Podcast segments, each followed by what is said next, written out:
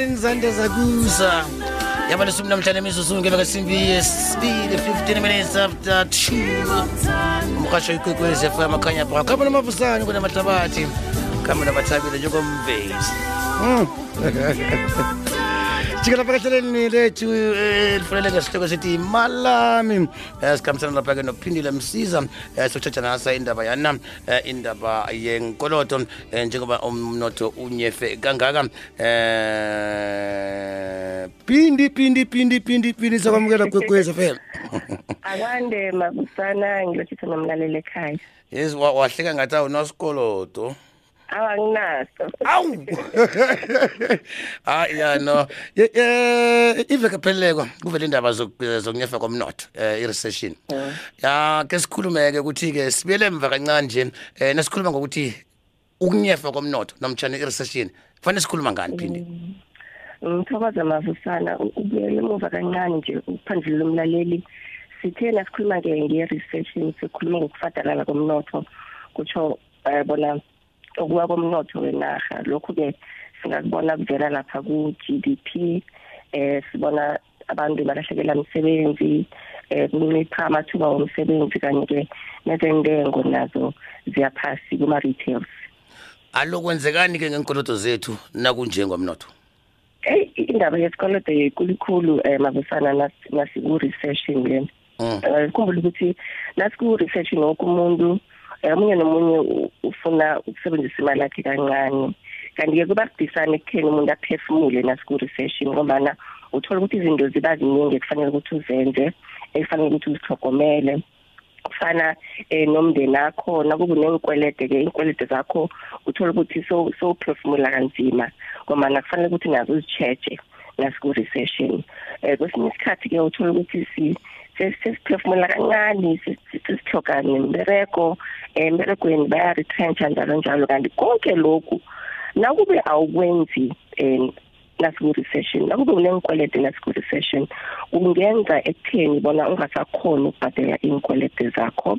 Kanti-ke na ungasakhoni ukubhadela iy'nkwelede zakho kula um uthole ukuthi i-akhawunti yakho namkha ama-akhawunti wakho sewaba ku-default namkha aba-negatively listed um sijwayele ukuthi si- sithi um uba-blacklisted kanti-ke malanga la sibiza ngokuthi negatively listed. So na ungakhoni ukuhlogomela iy'nkwelede zakho um nasiku-recession nje um uya uya uya ubuyela emuva ngey'nkwelede zakho uba ku-default uba negatively listed. Ingakho sithi asikhulumeni ngey'nkwelede nasiku-recession nje sibone ukuthi singaphandlulula kanjani begodwa singasiza kanjani ngey'nkwelede zethu Eh, eh, phindile mhlambe omunye um- umlaleli anga- angazibuza ukuthi eh, sikhuluma ngesikoloto osele unaso um namtshana ukuthi ungathomi wenza isikoloto ngoba siku-recession nje Mm.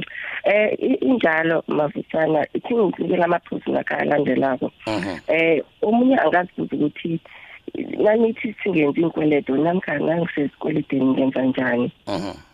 Eh kuqakathekile ukuthi nakuba usewusesikweleden usithogomele isikoloto sakho usibhadele ngesikhathi. Nakube unenkwelede yehlisa eh ama unnecessary expenses into ongazithogiko endlini eh mhlawumbe ama-takeaway ama-airtime njalo njalo. Uthola ukuthi omunye-ke imali yakhe akazi nokuthi wenzeni ngayo. Ngiyo imali leyo fanele ukuthi ihlogomele iinkoloto zakho. Nakube wenza ibhajethi yakho uhlela kuhle imali yakho uyabona ukuthi une-credit balance. Ngiyo imali ekufanele ukuthi ibhadele iinkoloto zakho. Kunye-ke sithi-ke eh, asikhe sitshentsheni indlela esisebenzisa ngayo imali i-behavior yethu ngemali zethu. Nakube uyazazi ukuthi umosha imali cobe nyanga cobe veke kula kufanele ukuthi sivule khona amehlo sazi ukuthi imali leyo sekufanele ukuthi ibhadele iy'nkweleto zakho. Omunye umuntu mabusana utho ukuthi unenkweleto eziningikhulu um mara imali ye-entertainment nakuphela inyanga namkha na- nakuphela iveke unayo. Mara iinkoloto zijamile. Uthole ukuthi sewuyafonelwa-ke lapho bakubuza ukuthi ukubhadela neenkoloto zakho engomana usemuva. So ake sitshentsheni indlela esisebenzisa ngayo imali. Sibe ne-discipline sizikhalime eh, emalini zethu. Okunye um sihlale ku-budget yethu. Nakuba nehlelo lenza cobe nyanga cobe veke hlala ehlelweni lakho uzikhalime ukwazi ekutheni usebenzela ukunciphisa i- i- iy'nkwelede zakho. Okunye-ke na- okuqakathekile Mm. okunye okuqakathekile ukuthi eh asenze indlela yokuthi singabuyeli ekutheni sithome phasi sithathe inkwelete so i-pattern ekuphushele ekutheni uthathe inkwelete yenza isiqiniseko sokuthi awubuyeli emva. Namsiza. ah sikhuluma ngemali la ngisho.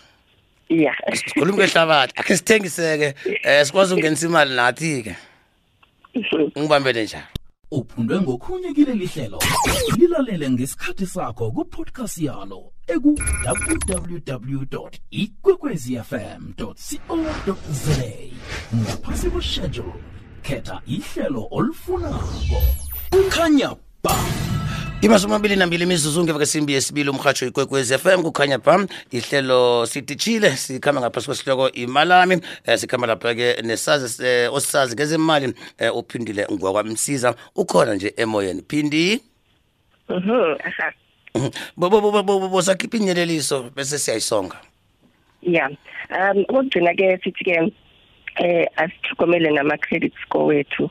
Singaberegisa imali yethu budedengu inkolodo zethu siyazithokomela eh so that nase sibuyele kuhle ezingeni lethu lomnotho eSouth Africa uyakhona ukubuyela ebhanka uyakwazi ukuboleka imali ngombana i-credit score yakho izabe ijame kuhle. Inyeleli angithi mina-ke i- inombolo labasisi nithola khona ngiziphi? Um ithi ngi ithi nginikele iphuzu lo- lokugcina ke ngenkwelete lezi eh, mavusana.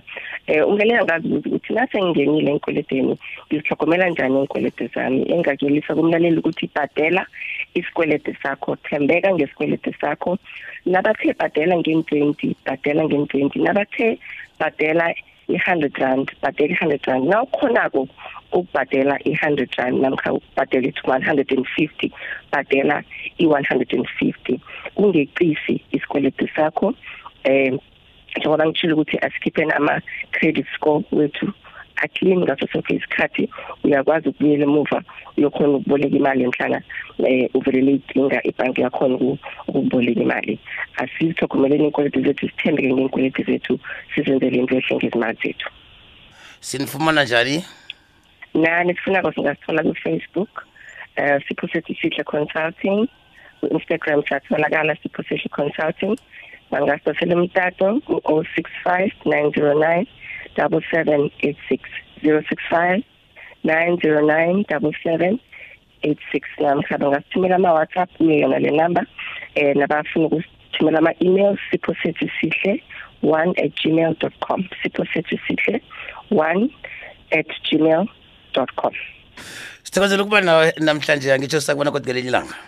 Ngiyathokoza. Aha ngelapha-ke uphindile msiza eh, osisazi ngezemali eh, besetha lapha indaba nasa yo yenkoloto njengoba umnotho unyefile nje eh, i-recession. Saraka sijika phambili sijika lapha-ke ehlelweni lethu lezefundo